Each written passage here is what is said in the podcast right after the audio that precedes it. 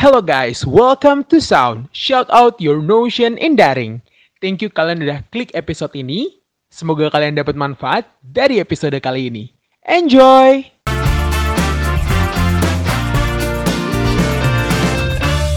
Hai guys, kenalin nama aku Dini dan kali ini aku bakal nemenin kalian di episode perdana Sound YFN Jakarta. Nah, episode pertama ini spesial banget nih teman-teman karena kita berkesempatan untuk ngobrol santai bareng founder Youth for Nation. Siapa lagi kalau bukan Kak Ayu Wahyuni. Halo Kak Ayu. Halo Kak Dini. Apa kabar nih Kak? Alhamdulillah sehat. Kak Dini apa kabar? Alhamdulillah aku juga sehat Kak. Walaupun pandemi tetap semangat ya Kak ya. Iya betul banget. Nah sebelum ngobrol lebih jauh nih Kak, boleh dong Kak Ayu kenalin diri dulu ke teman-teman. Oke, halo teman-teman semuanya. Selamat sore, selamat malam, selamat pagi, atau selamat siang. Kapan pun teman-teman mendengarkan uh, rekaman ini, perkenalkan nama saya Ayu Wahyuni. Teman-teman boleh panggil saya Ayu. Uh, saya merupakan mahasiswi di UIN Jakarta jurusan Pendidikan Fisika dan saat ini juga saya sedang uh, mengajar di sebuah sekolah di Jakarta Selatan, guru sains dan math, dan juga kesibukan saya saat ini selain mengajar dan masih menyusun skripsi, saya juga uh, mengembang, mengembangkan dan mengembangkan serta membangun karya bersama teman-teman semuanya di Youth for Nation serta ruang bahasa. Gitu Kak Dini. Oke, okay, background singkatannya itu udah keren banget ya Kak, udah wah banget deh kayaknya nih. Nah, Kak Ayu. nih, di sini aku pengen ngobrol-ngobrol sama Kak Ayu nih seputar keseharian Kak Ayu dan juga tentang perjalanan Kak Ayu dalam ngebangun YFN sampai sukses kayak sekarang nih. Karena followers YFN di IG terakhir aku lihat tuh ya, kalau nggak salah udah sekitar 80 ribu sekian, ya nggak sih Kak? Iya, Alhamdulillah. Nah, menurut aku itu juga angka yang wow dan fantastis banget sih. Terus juga cabang YFN di tiap provinsi juga berkembang banget nih kan Kak dan mendapat respon yang bagus dari masyarakat. Aku jadi kepo nih kak, gimana sih kayu tuh bisa kepikiran buat ngebentuk komunitas IFN? Prosesnya tuh gimana dan apa sih ngebedain IFN dengan komunitas lainnya? Oke, sebelumnya terima kasih Kak Dini.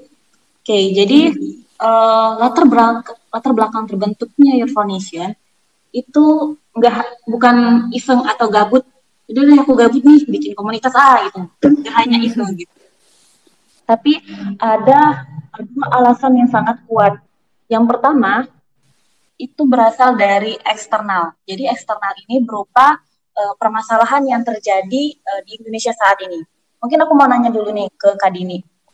Ya, boleh. Uh, Kak Dini, uh, Kak Dini ada bayangan belum sih Indonesia 20 tahun ke depan itu bakal seperti apa? Apakah bakal menjadi negara yang besar, maju, atau negara yang terpuruk gitu? bayangan Kak Dini 20 tahun lagi Indonesia itu bakal seperti apa? Kalau di bayangan aku sendiri sih ya Kak, kan mm -hmm. teknologi udah berkembang pesat juga nih. Nah kalau Indonesia bisa ngeimbangin dengan teknologi ini dan berinovasi lebih banyak, mungkin bisa lebih maju, mungkin sangat jauh lebih maju dari sekarang mungkin ya Kak. Tapi kalau misalnya dari teknologi atau segala hal itu kurang dimanfaatkan, mungkin bisa jadi terpuruk sih Kak. Jadi kalau ditanya 20 tahun itu sebenarnya aku masih agak ngawang-ngawang gitu ya kayak bakal gimana nya karena tergantung apa yang ada di hari ini gitu. Iya betul banget.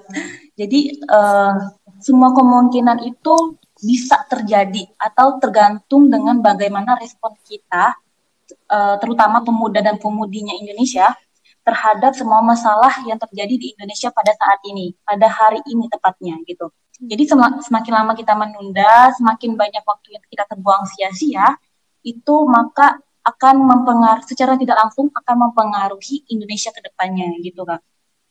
Jadi alasan yang pertama Setuju banget sih kak. Hmm. Mm -mm, jadi alasan yang pertama itu uh, kenapa uh, tergerak membangun Youth Nation. Jadi kita ingin uh, menjadi bagian atau menjadi uh, apa sih istilahnya itu obat dari permasalahan di Indonesia saat ini. Karena kita yakin dan kita percaya bahwa apa pun yang kita ambil sedikit banyaknya uh, tindakan yang kita ambil sangat saat ini itu mempengaruhi nasib bangsa Indonesia itu ke depannya gitu. Jadi kemajuan sebuah negara atau bangsa itu bergantung pada pada generasi pemuda, pemuda dan pemudinya yang akan meneruskan uh, tombak kepemimpinan dari generasi sebelumnya gitu kak. Itu yang alasan pertama gitu kan. Dan uh, Indonesia juga pada tahun 2030 nanti akan mengalami bonus demografi di mana bonus ini uh, usia produktif itu lebih mendominasi di berbagai sektor. Jadi kan anak-anak muda, orang-orang yang maksudnya itu bisa lebih banyak berkarya itu lebih lebih banyak jumlahnya dibanding yang non produktif. Makanya kita bergerak eh, sama-sama uh, bergerak agar uh, generasi yang produktif ini bisa memberikan kontribusi di ke depannya gitu. Hmm. Itu alasan yang pertama. Nah, alasan kedua itu dari alasan internal aku sendiri nih Kak Dini. Apa tuh Kak? Boleh dong di-sharing. Jadi alasan internal aku itu sebagai bentuk rasa syukur. Jadi kan, jadi kan gini, uh, aku itu berasal dari keluarga sederhana di sebuah bisa dibilang desa di Sumatera Selatan. Jadi aku berasal dari keluarga sederhana dan bisa disebut apa ya tiga jam dari kota Palembang gitu, bukan di Palembang kotanya. Jadi aku ngerasa saat itu aku uh, tidak ada yang mengarahkan, terus juga orang-orang yang di desa aku itu mayoritas ya udah tamat lu, tamat atau lulus uh, sekolah itu kebanyakan tidak melanjutkan kuliah atau ya udah sih ngapain kuliah jauh-jauh ke Jakarta misalnya gitu. Ngapain sih kuliah jauh-jauh ke sini? Ngapain sih gitu kan? Kuliah capek-capek atau belajar capek-capek gitu kan. Toh kita ujung-ujungnya bakal jadi kan jadi kebanyakan di desa itu jadi buruh pabrik ya. Terus juga uh, perempuannya banyak uh, stigma di masyarakat itu bahwa perempuan itu uh, ya udah perempuan setelah menikah ya udah di dapur aja gitu kan di rumah aja hmm. gitu kan mindsetnya udah terbentuk kayak gitu ya kak selama iya, tahun di daerah situ mindsetnya itu banyak yang kayak gitu terbentuknya gitu kan hmm. nah ketika Allah memberikan aku kesempatan saat itu aku di SMA dan pengen banget pengen lanjut kuliah ke Jakarta gitu kan pengen dapat pengalaman baru pengen lingkungan baru terus juga ingin uh, men-challenge diri gitu kan gimana sih uh, rasanya gitu kan ketemu orang kan rata-rata kalau di Jakarta itu kan nasional gitu kan orang-orang dari berbagai daerah datang ke sana yeah. berkompetisi berkompetisi gitu kan hmm. jadi persaingan di Jakarta itu uh, bisa dibilang uh, ketat banget kan dibandingkan kita di daerah karena di kalau dulu pengalaman aku di daerah itu aku nggak belajar aja tuh aku bisa dapat peringkat gitu kan. Beda gitu ya kamu di Jakarta. Ya gitu kan. Kalau hmm. kamu harus mati-matian banget untuk mendapatkan posisi gitu kan kalau misalnya ingin bersaing gitu kan. Iya setuju sih setuju banget. Iya gitu. Jadi aku pengen uh, dengan adanya bisa dibilang tekanan gitu kan di hmm. kota gitu aku ingin uh, secara langsung membentuk diri kita itu sebagai orang-orang yang bergerak cepat. Bergerak cepat itu di sini tuh uh, bisa belajar, belajar dan terus belajar gitu. Makanya, jadi uh, jadi ketika Tuhan, ketika Allah memudahkan aku untuk melangkah dan memudahkan aku meraih mimpi-mimpi yang aku inginkan ketika masih sekolah dulu. Nah, aku mewujudkan rasa syukur itu dengan cara ngebantu anak-anak muda yang uh, bisa dibilang bernasib sama tapi tidak punya pegangan. Jadi dulu aku kak uh, pengen luar negeri, pengen lanjut kuliah ke sini, cuman nggak kayak nggak ada pegangan gitu. Pegangan di sini tuh kayak yang orang memotivasi gitu loh kak. Nggak ada yang oh kalau kamu mau ke sini caranya seperti ini loh, terus kamu harus seperti ini persiapannya seperti ini. Nggak ada yang seperti itu. Hanya tahu oh pengen ke sini. Ya udah nggak tahu caranya gimana gitu. Karena ya karena orang-orang di sekitar itu uh, bisa dibilang kurang kak gitu ya kak atau kurang memfasilitasi. Ya kurang memfasilitasi juga kan. Karena ya lingkungannya pokoknya tidak tidak terlalu mendukung untuk uh, mimpi-mimpi yang aku pengen dulu gitu kan. Nah jadinya uh, ketika uh, Tuhan memberikan aku kesempatan, aku ingin anak-anak muda yang di desa yang punya keinginan itu kita dampingi gitu. Jadi tujuan Youth for Nation itu uh, mendampingi, jadi tujuan utamanya itu mendampingi anak-anak uh, muda di pelosok gitu, khususnya anak-anak desa untuk mereka itu berani bermimpi besar, berani action gitu kan. Terus juga uh, di kepemudaan Youth for Nation itu juga di bidang pendidikan. Jadi pendidikan itu kan karena e, merupakan faktor utama dari kemajuan satu bangsa. Makanya kita e, ingin e, membantu pemerintah untuk e, mewujudkan Indonesia Emas 2045 di mana kan kali ini tahu sendiri Indonesia Emas itu e, tahun 2045 itu Indonesia mencapai usia kemerdekaan 100 tahun gitu. Jadi Hmm. Pengen kita pengen uh, di usia 100 tahunnya Indonesia itu banyak anak-anak muda yang produktif, anak-anak muda yang berkualitas dan anak-anak muda yang siap untuk menjadi generasi penerus uh, tombak pemerintahan. Hmm. Itu kak latar belakangnya panjang ya. iya lumayan tapi menginspirasi banget sih Berarti singkatnya YFN itu seolah-olah kayak solusi ya bagi permasalahan Indonesia yang dia akan datang. Iya, insya Allah. Tapi, hmm, tapi pengalaman kakak hebat banget sih. Bikin kakak tuh termotivasi dan bertekad tuh kuat banget sampai ke bentuk sukses kayak gini loh. Iya. Nah kak, terus aku juga penasaran deh. Gimana sih jatuh bangunnya kakak dalam membangun YFN? Jatuh bangun, wow. Jatuh iya. bangun aku. Oke. Okay.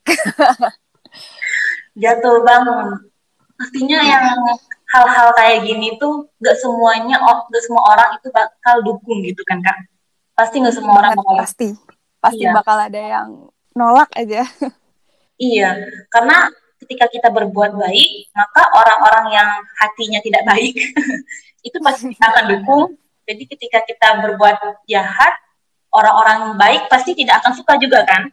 Jadi uh, tinggal kita pilih kita mau di pihak yang mana gitu. Oke, okay, jadi uh, latar belakang bukan latar belakang. jadi suka dan duka dari Youth for Nation saat membangun Youth for Nation itu saat awal-awal uh, mengajak atau membentuk gitu kan kak. Karena hmm. banyak anak-anak muda di Indonesia itu uh, hanya uh, apa ya istilahnya itu sukses untuk dirinya sendiri gitu kan kak. Hmm, jadi iya, kebanyakan, mm -mm, jadi kebanyakan ya udah kita melakukan ini sukses uh, bisa ini bisa itu bisa itu gitu kan. Ya udah buat diri aku sendiri buat masa depan aku sendiri gitu kan. Itu kebanyakan yang gitu kan. Iya, iya, iya. Yang penting aku udah bisa, orang lain bodo amat, terserah dia mau bisa apa enggak. Yang penting aku udah bisa ya, gitu nggak sih kak? Nah, kalau awal-awal itu aku mengajak uh, orang-orang di sekitarku gitu kan. Ayo kita bentuk ini gitu. Kita bentuk uh, kegiatan seperti ini gitu yang bisa uh, membangun atau uh, kegiatan yang bisa memotivasi anak-anak di pelosok khususnya di bidang pendidikan gitu kan. Terus hmm. ada yang nyeletuk gitu kan ngapain sih kamu bikin bikin kayak gini? Tugas kita itu udah banyak tugas kuliah kita itu banyak. Terus juga uh, permasalahan hidup kita itu udah banyak. Ngapain memikirin masalah hidup orang gitu kan? Gitu hmm. gitu. Jadi awal-awal terbentuknya itu ya banyak ditolak gitu kan kak. Halo hmm. aku hal konyol apa yang ingin kamu buat gitu kan? Iya sih kak. Bener banget kebayang sih kak aku itu pasti orang-orang tuh nyeletuknya pasti macem-macem. Banyak ada aja yang ngeraguin itu pasti ya nggak sih kak? Iya emang kalau kita awal-awal gerak itu pasti banyak banget yang uh, meragukan. Tapi ketika kita udah berjalan dan udah jauh jalannya pasti orang-orang yang hanya melihat di belakang tuh baru baru bisa bertepuk tangan gitu. Hmm, bener banget. Baru berasa kayak wah ternyata ini orang bisa nih Iya, coba dulu aku ikutan gitu. iya, jadi nyesel kan. Jadi aduh coba dulu join nih sama sama, sama Kak Ayu. Oke, okay. iya benar. Jadi dulu uh, awal-awalnya itu hanya ada yang mendukung aku tuh cuma ada satu orang. Jadi satu orang ini alhamdulillahnya dia bisa desain. Jadi kan aku nggak Oh. nggak terlalu jago desain kan. Jadi aku jago Iya. bidang kehumasan dan public relation dan hal-hal lainnya gitu kan. Mm-mm. Nah, jadi pas banget nih bisa saling melengkapi gitu kan. Aku Iya. jadi aku jadi seluruh divisi itu semua divisi itu hanya dihandle dua orang gitu awal-awalnya. Jadi aku bagian yang ngubungin misalnya nih pengen ngadain webinar, aku ngubungin ini, terus nanti kamu desainnya seperti ini seperti ini nih ya gitu. Terus juga nanti bagian hal-hal hubungan sekretari sekretari kes Kester, kester, kat- ya sekretaris lah ya kak pokoknya. Iya gitu. Udah merambat semuanya se- jadi sekretaris lah, jadi bendahara, jadi ketuanya, Hebat jadi banget. jadi semuanya itu Hebat banget. merambat semuanya. Jadi yang teman aku itu dia udah menurutku dia udah capek banget kayak ngedesain hampir setiap hari ngedesain gitu kan. Iya, apalagi bukan itu doang kan ya kak yang dikerjain. Iya karena eh apa SDM-nya itu ya cuman dia yang bisa ngedesain karena aku sendiri Hmm. nggak terlalu jago dalam desain gitu kan. Mm. Nah, jadi yang awal-awalnya itu suka duka dukanya itu yang pertama yaitu ya tidak terlalu didukung waktu awal-awalnya. Jadi Hmm. waktu awalnya itu cuma berdua gitu yang handle. Terus juga kalau sukanya tadi itu dukanya, dukanya hanya di awal alhamdulillah. Alhamdulillah, Ya, gak sampai sekarang. Sukanya Kalau sukanya gimana nih kak? Eh, banyak banget sukanya selain bisa belajar karena kan ketika aku eh, terjun langsung di Youth Foundation itu secara tidak langsung melatih eh, jiwa leadership terus juga melatih jiwa komunikasi ke- keterampilan komunikasi terus juga melatih public speaking secara tidak tidak langsung kan juga eh, melatih kesabaran gitu kadang kan yang nge-handle peserta ya aku aku juga kan iya, secara nggak langsung eh, semua soft skill-nya langsung terbangkit ya kak, langsung wah Iya. jadi semua. langsung brek ya udah langsung Iya. jiwanya itu sukanya jadi sukanya itu selain hanya untuk diri sendiri kan tadi manfaatnya banyak banget itu sukanya terus juga Hmm.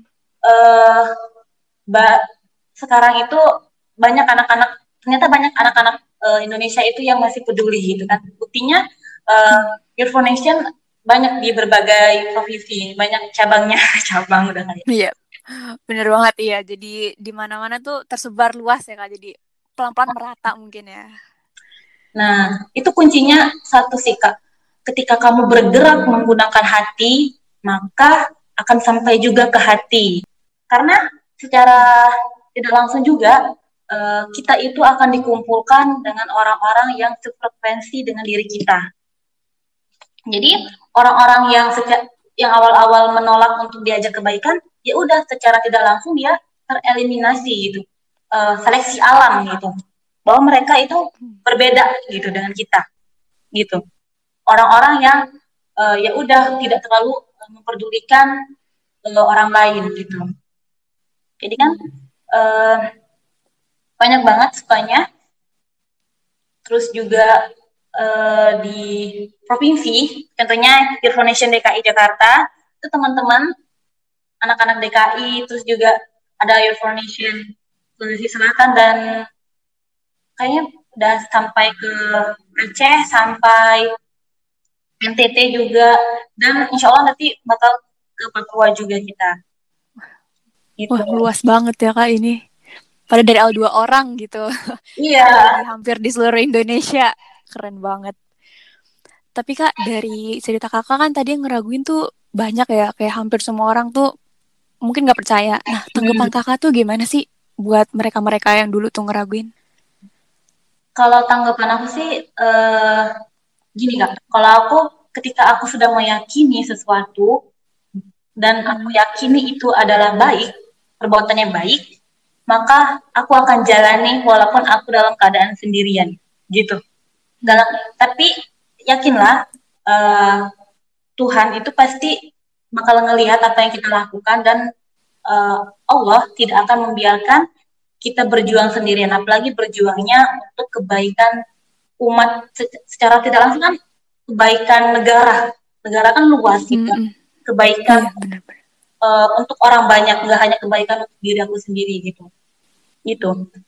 Yakin aja kalau aku ya udah kalau mereka nggak mau nolong ya udah gitu. Kalau mereka nggak mau berkontribusi ya udah nggak apa-apa gitu kan. Karena ya aku bilang tadi kita itu bakal dikumpulkan dengan orang-orang yang sefrekuensi makanya sekarang kenapa teman-teman pada ikutan Info Nation karena di hati teman-teman itu uh, ada benih-benih kebaikan gitu kan mm -mm. gitu jadi orang-orang di Info Nation itu adalah orang-orang yang memiliki frekuensi yang sama, orang-orang yang cara berpikirnya sama gitu. Makanya kita bersatu karena kita sama gitu kan.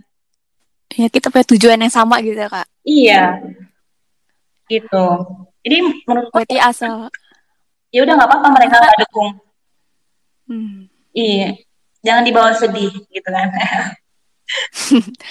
asal niat sama usaha sama-sama kuat ya kak. Udah ya, apa aja bisa dilewatin betul konsisten intinya gitu dan itu mm -mm. ya udah yakin kamu yakin itu benar dan yaku, kamu yakin itu adalah kebaikan lakuin aja konsisten gitu lakuinnya maka yeah. uh, secara tidak langsung juga Allah yang akan uh, turun langsung untuk menolong gitu. Bukan manusia lagi yang nolong.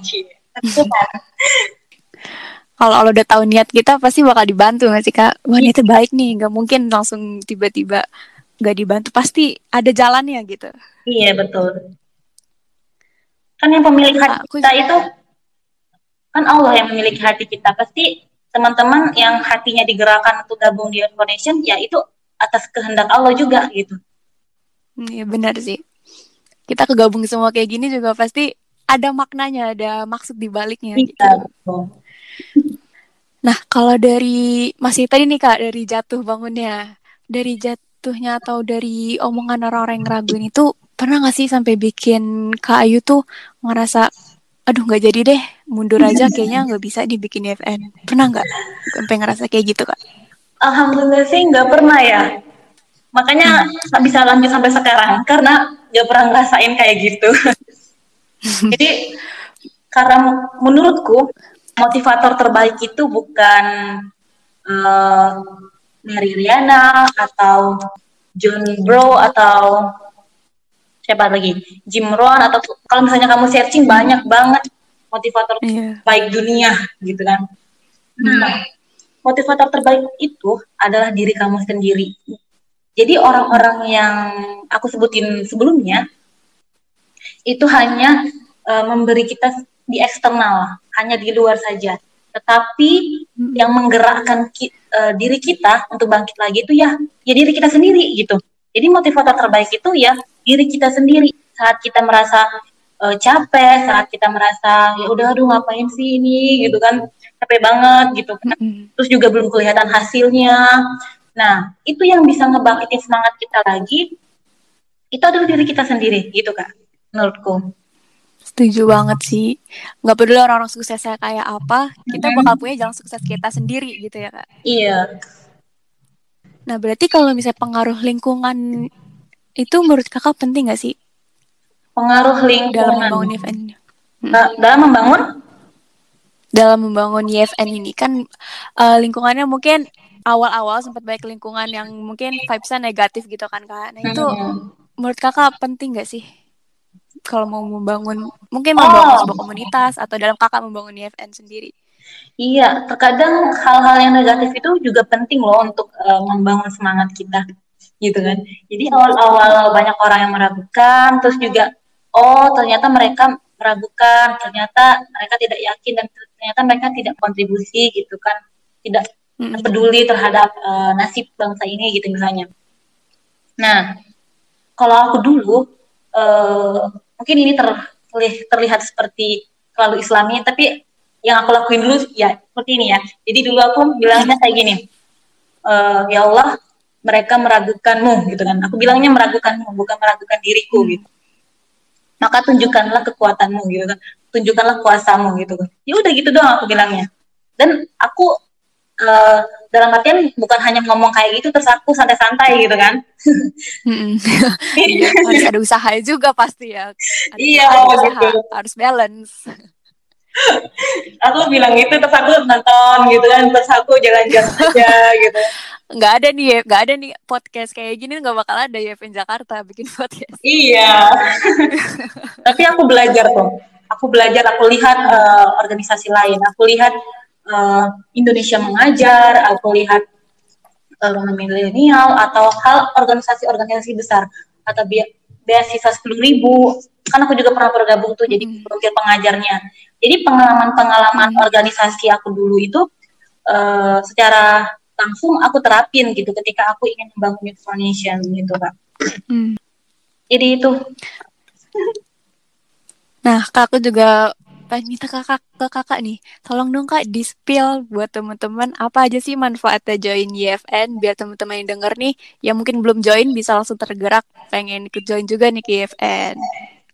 Oke, jadi uh, gabung di Youth for Nation itu banyak banget uh, manfaatnya teman-teman.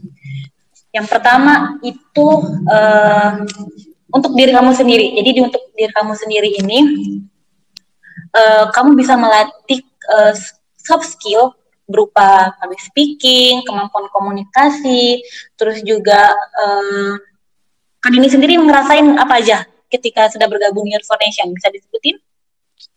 Yang paling aku rasain sih kan ini yang aku lagi lakuin mm-hmm. sekarang, ngelatih soft skill.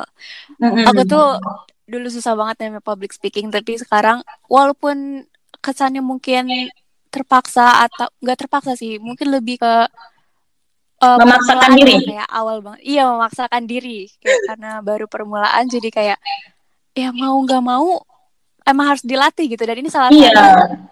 Platform yang ngebantu aku banget sih. Dan koneksinya tuh banyak banget. Aku jadi uh, ada temen di mana-mana. Jadi eh, nggak uh, ketinggalan informasi lah ya dari segala daerah. Iya betul banget kak. Jadi uh, sama dia itu ketika kita bergabung di suatu organisasi khususnya Youth for Nation itu kita melatih kemampuan soft skill kita baik itu di, di bidang lebih speaking dan lain-lainnya. Seperti tadi ini melatih uh, jiwa menjadi host. ya bener banget ya, bener banget.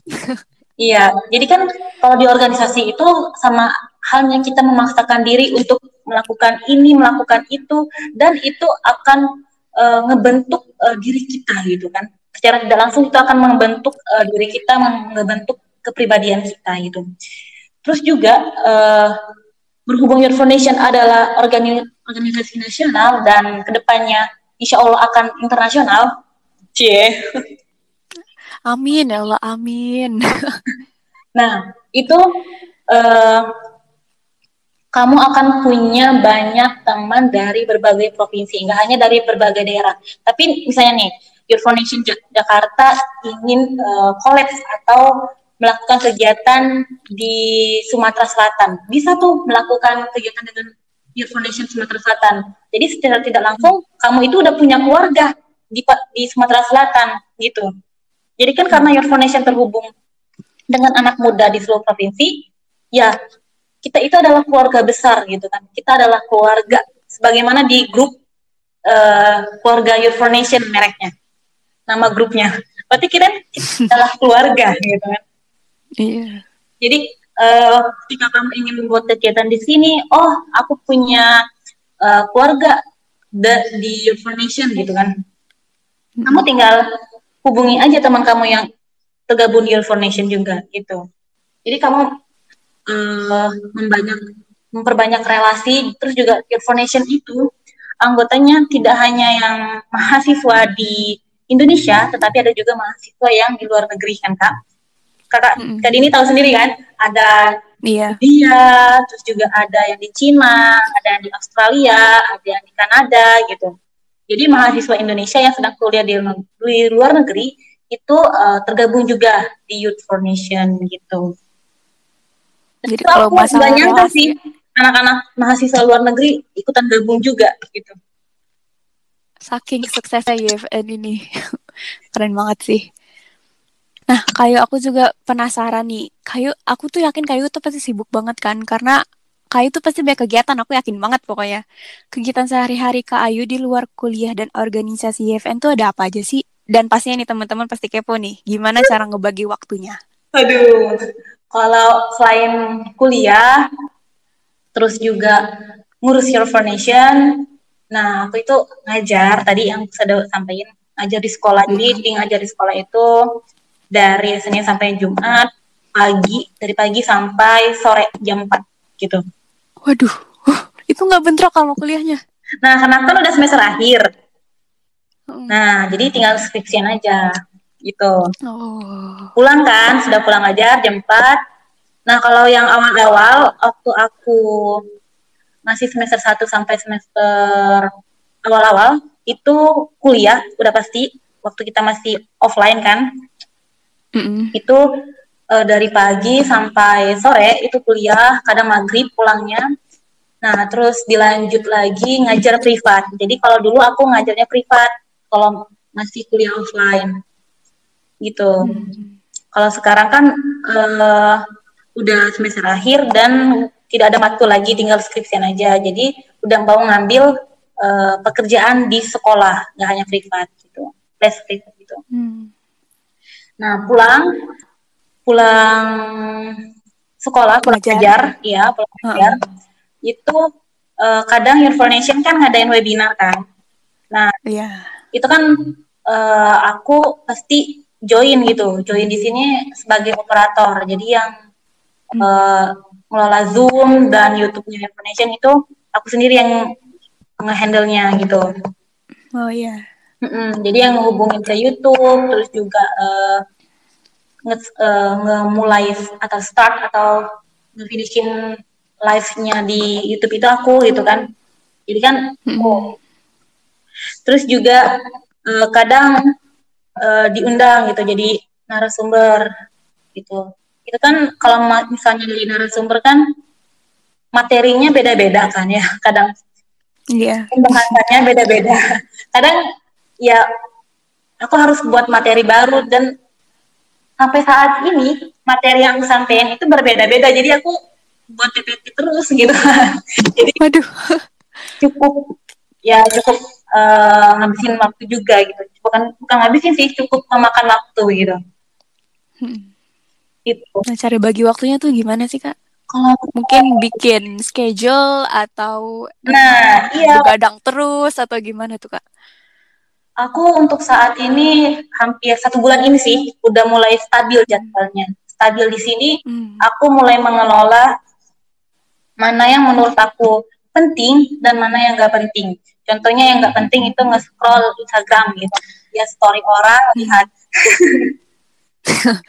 iya sih itu nggak berasa gitu. buang-buang waktu sih. Kepo sama hidup orang gitu lah gitu. Bener-bener. Atau nonton YouTube uh, vlog-vlog yang menurut aku nggak penting gitu. Hmm. Aku singkirin atau gosip-gosip itu aduh udah udah udah. Nah, aku ininya misalnya nih besok mau ngajar dan mau ngajar itu kan pasti nyiapin materi pembelajaran kan ke anak-anak gitu. Iya. Mm -mm. Nah itu biasanya aku uh, di malam hari gitu kan. Jadi sel biasanya selesai webinar, webinar dari Foundation itu aku bikin materi buat ngajar gitu. Hmm. Nah terus juga bagi teman-teman uh, diusahakan untuk tidak begadang, Be bergadang. Oh. Ya. Kenapa tuh kak? Begadang karena begadang itu gak bagus. Yang pertama gak bagus untuk uh, kesehatan kamu. Terus juga uh, apa ya? Kalau aku kemarin karena sering begadang, uh, dulu dulunya itu kayak apa ya? Mudah depresi gitu loh kak. Hmm. Mm -mm, kalau berarti selain menyerang fisik tuh menyerang mental juga ya kak kalau iya. begadang tuh. Karena kan badannya capek, pikirannya uh, kurang tidur gitu-gitu jadi kayak aduh dep pokoknya mentalnya tuh keganggu gitu jadi kalau aku usahakan untuk tidur di bawah jam 11 atau jam 11 lah mentok-mentok gitu jam 11 itu udah tidur terus nanti baru bangun jam 3 atau jam 4 nah jam 3 jam 4 itu kalau aku supaya hidupnya lebih tenang biasanya aku tahajud dulu gitu terus uh, ngaji dan lain-lainnya kan terus juga baru ngelakuin hal-hal yang uh, bisa aku lakuin dalam di sini kan aku melanjutin sesuatu yang ingin aku kerjakan jadi sebelum tidur juga teman-teman bisa buat list yang akan teman-teman lakukan besok gitu. Misalnya nih, Hmm. besok target teman-teman apa? Pengen buat ini, pengen nyelesain ini, terus juga pengen tanyain ini, ngurusin. Pokoknya aku kalau nyatet detil banget. Jadi Hmm. misalnya nih, mau ngada webinar ini, tanyain sama ini, terus eh, tanya sama ini, terus nanti bikin schedule ini, ini, ini, gitu. Pokoknya lengkap banget karena aku tipe yang agak sedikit pelupa apalagi dalam uh, kondisi hektik gitu kan.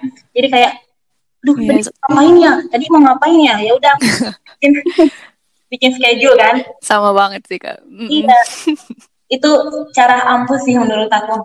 Jadi aku nggak bakal nyentuh atau nggak nggak bakal ngebuka eh, sosmed aku sebelum aku nyelesain ini misalnya gitu. Jadi aku terapin juga. Jadi yang pertama itu bikin schedule, yang kedua terapin eh, kalau aku sistem reward sama punishment. Jadi kan kalau misalnya diri aku bisa ngerjain ini, rewardnya kamu bakal eh, apa ya? Kalau aku suka mentraktir diri aku sendiri, jadi traktir di sini, kamu bisa makan apa yang ingin kamu makan gitu kan? Ya udah. Masih self reward gitu ya kak kalau bisa Iya. aktivitas. Mm-mm. Bener yang makan es krim ah gitu ya udah beli es krim. gitu Hal-hal kecil yang nyenengin diri gitu. iya gitu atau kadang gini-gini aku masih suka nonton eh, drama Korea gitu Masih sempet gitu ya kak ya Allah. Waktunya tuh ah, jago banget sih ini aku pikir-pikir kayu ngebagi waktu. nah jadi kan eh, sudah selesai reward apa pokoknya sudah selesai target kamu kasih reward tuh sama si diri kamu sendiri rewardnya jangan terlalu berlama-lama reward terus dalam artian gini Nanti iya. Kasihkan nanti. iya Malah ribut Korea. drama Korea seha- seharian gitu. Nah, drama Koreanya kalau aku dibagi-bagi, misalnya ada 16 episode, berarti satu hari rewardnya itu hanya untuk satu episode gitu. Waduh. Iya kan? Bahkan sampai nonton aja ada jadwalnya. Iya gitu. Hebat gitu. hebat. Atau enggak kalau misalnya penasaran sama filmnya, aku nonton bagian akhirnya, udah. Yang nonton awal, Oh, yang nonton akhir, udah. yang penting tahu dulu endingnya kayak gimana ya kami nggak kepikiran terus nggak ganggu aktivitas Iya, lagi. betul banget. Kayak kemarin kan, Sama. film startup kan, Iya iya. Nah, itu aku nggak nonton waktu lagi rame-ramenya orang heboh-heboh tim ini, tim ini, aku nggak nonton itu. Hmm. Aku nonton ketika orang-orang udah nggak heboh lagi. Ketika aku udah Biar tenang gitu menyelesaikan, menyelesaikan in- sesuatu yang ingin aku kerjakan gitu. Hmm. Gitu, teman-teman. Keren sih caranya. Berarti Menahan diri. tuh yang penting tahu skala prioritas ya kak dan Iya. kalau bisa kasih self reward biar kita termotivasi buat diri sendiri gitu. Hmm. Nah, terus juga kalau aku ngasih punishment juga sama diri aku sendiri. Contohnya kalau Ah, gimana tuh, Kak? eh, kamu misalnya ngelanggar nih, kadang suka ngelanggar sendiri kan. Bener ya. Mau ini nggak jadi deh besok aja gitu. biasanya. Misalnya nih, pengen buka Shopee hanya 15 menit. Eh, kelewatan satu jam gitu kan. Iya. Sering sering terjadi. Aku eh punishment-nya kayak gini. Nanti kalau udah ini kamu udah kelewatan setengah jam misalnya gitu kan. Hmm. Punishment-nya kamu nggak boleh eh, buka Shopee selama dua hari gitu kan. Atau setelah belanja ini nggak boleh belanja lagi udah gitu kan. Iya. Gitu. Pokoknya harus menerapkan disiplin diri. Harus disiplin sama diri sendiri gitu kan. Iya bener sih kak. Harus keras sama diri sendiri ya kak. Nggak boleh terlalu dimanjain. Betul. Nggak nggak boleh terlalu diikutin lah kem- apa kemauan diri atau yang membuat diri kita tuh terlalu nyaman, jangan terlalu diikutin. Gitu. Setuju banget sih kak. Setuju banget. Karena aku sendiri pun juga ngalamin gitu.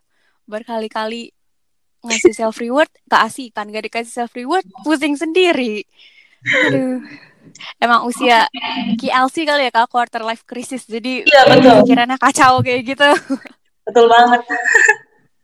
nih dari sepanjang kayu aku dengerin cerita kayu tuh yang ada di pikiran aku tuh dari tadi cuma wah kayu keren banget kayu hebat banget bikin aku jadi pengen gitu lah kak bikin hal yang bisa bermanfaat juga di lingkungan masyarakat nah aku juga yakin nih teman-teman pasti juga terinspirasi banget sama cerita-cerita dan perjalanan kak Ayu kira-kira nih kak ada nggak sih yang pengen kayu sampein buat teman-teman atau mungkin sekarang nyebutnya Gen Z kali ya? Nah ada yang pengen kayu sampein nggak? Oke, buat teman-teman generasi Gen Z, kita seumuran, satu generasi gitu. Uh, hal yang pertama yang aku sampaikan, jangan pernah takut bermimpi. Buatlah mimpi itu uh, sampai membuat kamu uh, bergetar dalam artian bergetar di sini sesuatu hal yang tidak mungkin gitu. Contohnya, hmm kamu anak desa, tiba-tiba kamu pengen keluar bisa keluar negeri mengikuti program internasional. Ya udah berani dulu aja bermimpinya. Entah itu tercapainya bagaimana, kapan, itu nanti gitu. Berani dulu aja bermimpi. Nah, ketika kamu berani bermimpi, hal yang harus kamu lakukan berani juga eksekusi. Dalam artian kamu harus cari tahu kalau misalnya kamu benar-benar ingin uh, pengen keluar negeri gitu misalnya, kamu harus cari tahu dulu keluar negeri itu hal yang pertama yang dibutuhkan itu apa? Per kemampuan berbahasa Inggris gitu. Ya udah kamu belajar dulu bahasa Inggris gitu. Kamu kamu harus uh, menahan uh, hawa nafsu kamu untuk berleha-leha gitu. Kamu harus berani capek gitu kan. Kamu belajar, per, kamu perbaiki bahasa Inggris kamu dahulu gitu kan. Terus juga yang kedua nanya apa? Kamu perbanyak relasi atau skill gitu selain bahasa Inggris, kemampuan public speaking, entah itu ikut bisa melalui webinar-webinar dan lain-lainnya. Jadi terus kamu uh, jadi yang aku bilang melatih kemampuan diri. Jadi uh, jangan takut bermimpi. Terus juga caranya jangan uh, apa ya tadi melakukan atau memperbaiki skill menambah skill itu yang harus kamu lakukan. Terus juga uh, untuk anak-anak uh, muda, terutama mereka yang seumuran dan sedang berjuang untuk mencapai mimpinya, jangan pernah takut gagal, gitu. Hmm. Karena kalau kata guru aku itu habiskan masa gagalmu, habiskan. Nggak apa-apa gagal, gagal, gagal, pasti ada masanya kamu akan berhasil. Gitu. Itu sih kak. Nah, tuh teman-teman pesan dari Kayu, jangan lupa dicatat, diresapin dan pastinya dilakuin ya kan nggak dalam kehidupan sehari-hari biar maknanya tuh makin dapet gitu. Oh, iya, Kayu, sebelum kita akhiri nih Kak, kita jaga nih IFN dulu gimana Kak? Biar yang dengerin jadi termotivasi buat tahu lebih banyak nih tentang IFN, khususnya IFN Jakarta. Gimana Kak? Kita jargon dulu gimana Kak? Boleh, kita boleh. Jargon IFN. Okay. Gimana jargonnya Nanti aku nanti aku bilang Youth for Nation Jakarta, Kayu bisa jawab, jawab do something for Jakarta. Oke, okay? oh, ready kan? Siap. Oke. Okay. Youth for Nation Jakarta. Do something for Jakarta. Yeay, yeah. mantap banget kak. Oke, okay, mungkin ini kita udah di penghujung akhir kali ya kak. Kalau Mm-hmm. orang-orang bilang ya. Sekali lagi makasih banget. Thank you so much buat Kak Ayu udah mau luangin waktunya buat ngobrol bareng aku dan teman-teman di sini. Aku tuh ngerasa spesial banget menjadi salah satu kesibukan Kak Ayu. Mungkin di lain waktu kita bisa ngobrol-ngobrol lagi kali ya Kak. Mungkin hmm. di lain waktu setelah pandemi bisa langsung live kali ini ngobrolnya nggak lewat. Boleh, boleh, boleh banget. Secara online kayak gini lagi. Boleh banget. Oke okay, guys, sekian dulu buat episode hari ini. Aku Dini dan Kayu pamit undur diri. Thank you for listening and see you on the next episode. Bye. Bye semuanya. Hai, thank you ya sudah mendengarkan podcast kami. Apabila kalian dapat manfaatnya, jangan lupa untuk follow, like, dan share ke Instagram kalian. Kalian juga bisa loh tag Instagram kami di at underscore Jakarta. Pantengin juga terus episode-episode berikutnya karena akan ada narasumber yang gak kalah luar biasa. See you guys!